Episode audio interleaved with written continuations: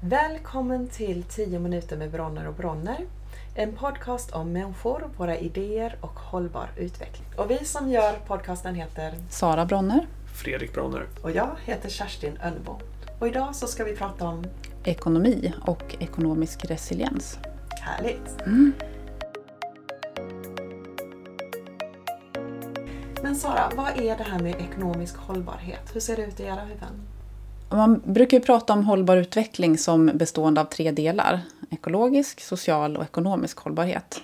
Eh, Och vi ser ju att det är väldigt många som pratar om ekonomisk hållbarhet ur perspektivet att det är en ekonomisk aktivitet som fortsätter att växa. Det vill säga att det bara blir större och mer och då är det hållbart ur ett ekonomiskt perspektiv. Eh, Det har ju då lett till att vi har överskridit eh, planetens ekologiska gränser och eh, för oss så är ekonomisk hållbarhet det är en ekonomisk aktivitet som kan fortgå utan att den skadar människor, eh, levan, andra levande arter eller naturen och miljön. Så att den ska inte ha några negativa konsekvenser på det andra. Då kan man säga att en aktivitet är ekono- ekonomiskt hållbar. Mm. Och sen ibland så använder ni istället ordet resiliens. Vad tycker du att ekonomisk resiliens är? Då är det ett, ett begrepp som vi kopplar närmare till entreprenörskapet och idéutvecklingen. Eh, och för oss innebär då ekonomisk resiliens att du ska ha en, en ekonomi i, i, kring din idéutveckling som är motståndskraftig. Det vill säga att den ska bära sig över tid. En bärkraftighet och en resiliens som innebär att när det händer saker i omvärlden och medan du utvecklar din idé så ska den vara eh, robust nog att kunna fortsätta. Till exempel att du ska kunna fortsätta att leva på din idé och utveckla den fast saker och ting förändras i omvärlden. Eh, och det betyder inte att den behöver växa och bli större och mer hela tiden utan helt enkelt att den ska fortsätta att finnas och den ska vara robust och den ska kunna ge, ge dig förutsättningar att, att leva på din idé helt enkelt. Mm, och ni jobbade ju med de här, att utbilda entreprenörer under tiden som Corona kom. Vad såg ni bland entreprenörerna och vad, vilka tankar födde det? Jo, men det spädde ju på vår övertygelse ännu mer att, att, att det är viktigt med just den här resiliensen. För vad vi såg var ju under corona i våras var att väldigt många företagare och entreprenörer fick ju se sin marknad dö över en natt. I princip. Dörren var ju liksom stängd dagen efter. Och det var ju ett tecken, det visar väldigt tydligt på hur eh, sårbara många affärsidéer var. För att de litade de, så hårt på just en typ av produkt, tjänst, en marknad, en sorts kund. Eh, och när den inte fanns, då hade man liksom ingen business kvar. Så att vi brukar ofta prata väldigt mycket om det här med att när du utvecklar en idé så försök att utveckla den med flera ben. Och där kommer ju det här robusta resilienta in. Jag tycker att det är så mycket i ekonomin, som, det är så mycket hokus pokus och så mycket hittepå-begrepp som gör att, som förvirrar, som gör att det blir svårare. Ekonomi handlar ju om hur vi kan hushålla med de resurser vi har. Det vill säga om jag har så här mycket mat, ska jag äta den på en gång för att den är jättegod för mitt begär säger åt mig ät, ät, ät. Eller ska jag hushålla med det lite grann så att jag kan vara mätt i två dagar.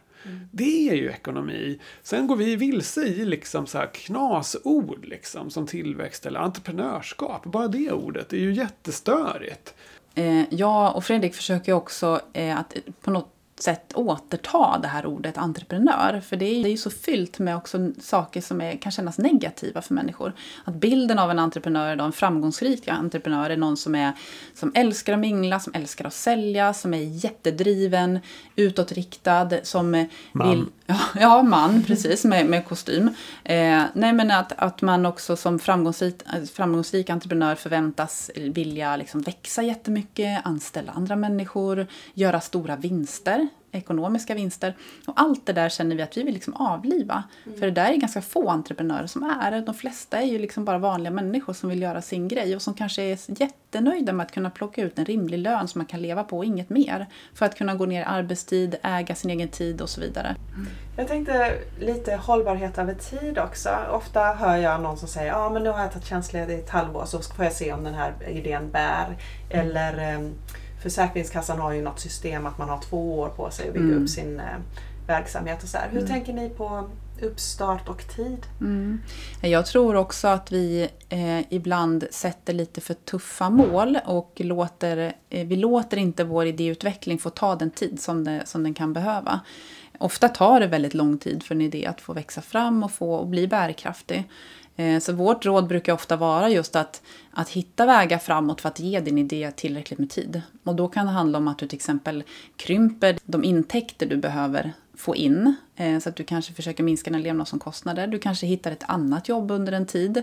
Eller jobbar halvtid eh, under en period för att verkligen ge idén tid att utvecklas. För att det kan vara ganska knäckande och stressande att liksom ha den här pressen på sig att nu måste jag lyckas på den här tiden. Har jag inte gjort det, då kan det vara så att en idé faktiskt som är väldigt bra inte får den chansen som den kanske hade behövts där ute, men fick inte tillräckligt med tid att utvecklas.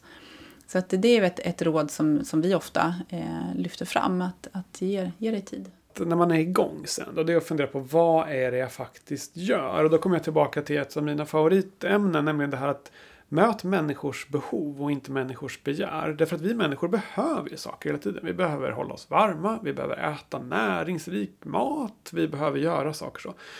Jobba där med vad människor behöver. Odla inte begär som är tillfälliga så att du måste springa och rida på trender hela tiden och skapa saker som människor faktiskt kanske inte behöver. Utan jobba med att möta människors behov. Då kommer du ha hittat en resilient efterfrågan över tid. För människor behöver alltid saker. Då bidrar du dessutom med positiva grejer. För är det någonting som vi behöver göra eh, på den här planeten för att vi då i alla åtta miljarder människor och vår ekonomi ska rymmas inom de planetära gränserna så är det just att fokusera på att tillfredsställa behoven. Det är begären som vi ska fundera på att, att liksom backa på. För det är ju, mm. tänker jag, de som eh, bidrar mycket till att vi, att vi spränger de där gränserna.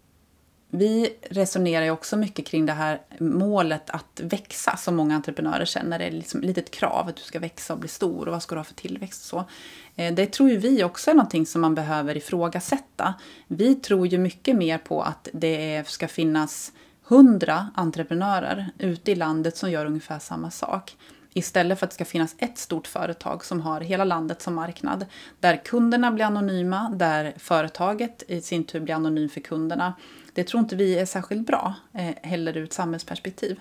Så därför tror vi snarare att det är bra att man inte växer, utan man, man har sin lilla grej. Och sen kan det finnas fler som du, som lokalt gör sin grej också.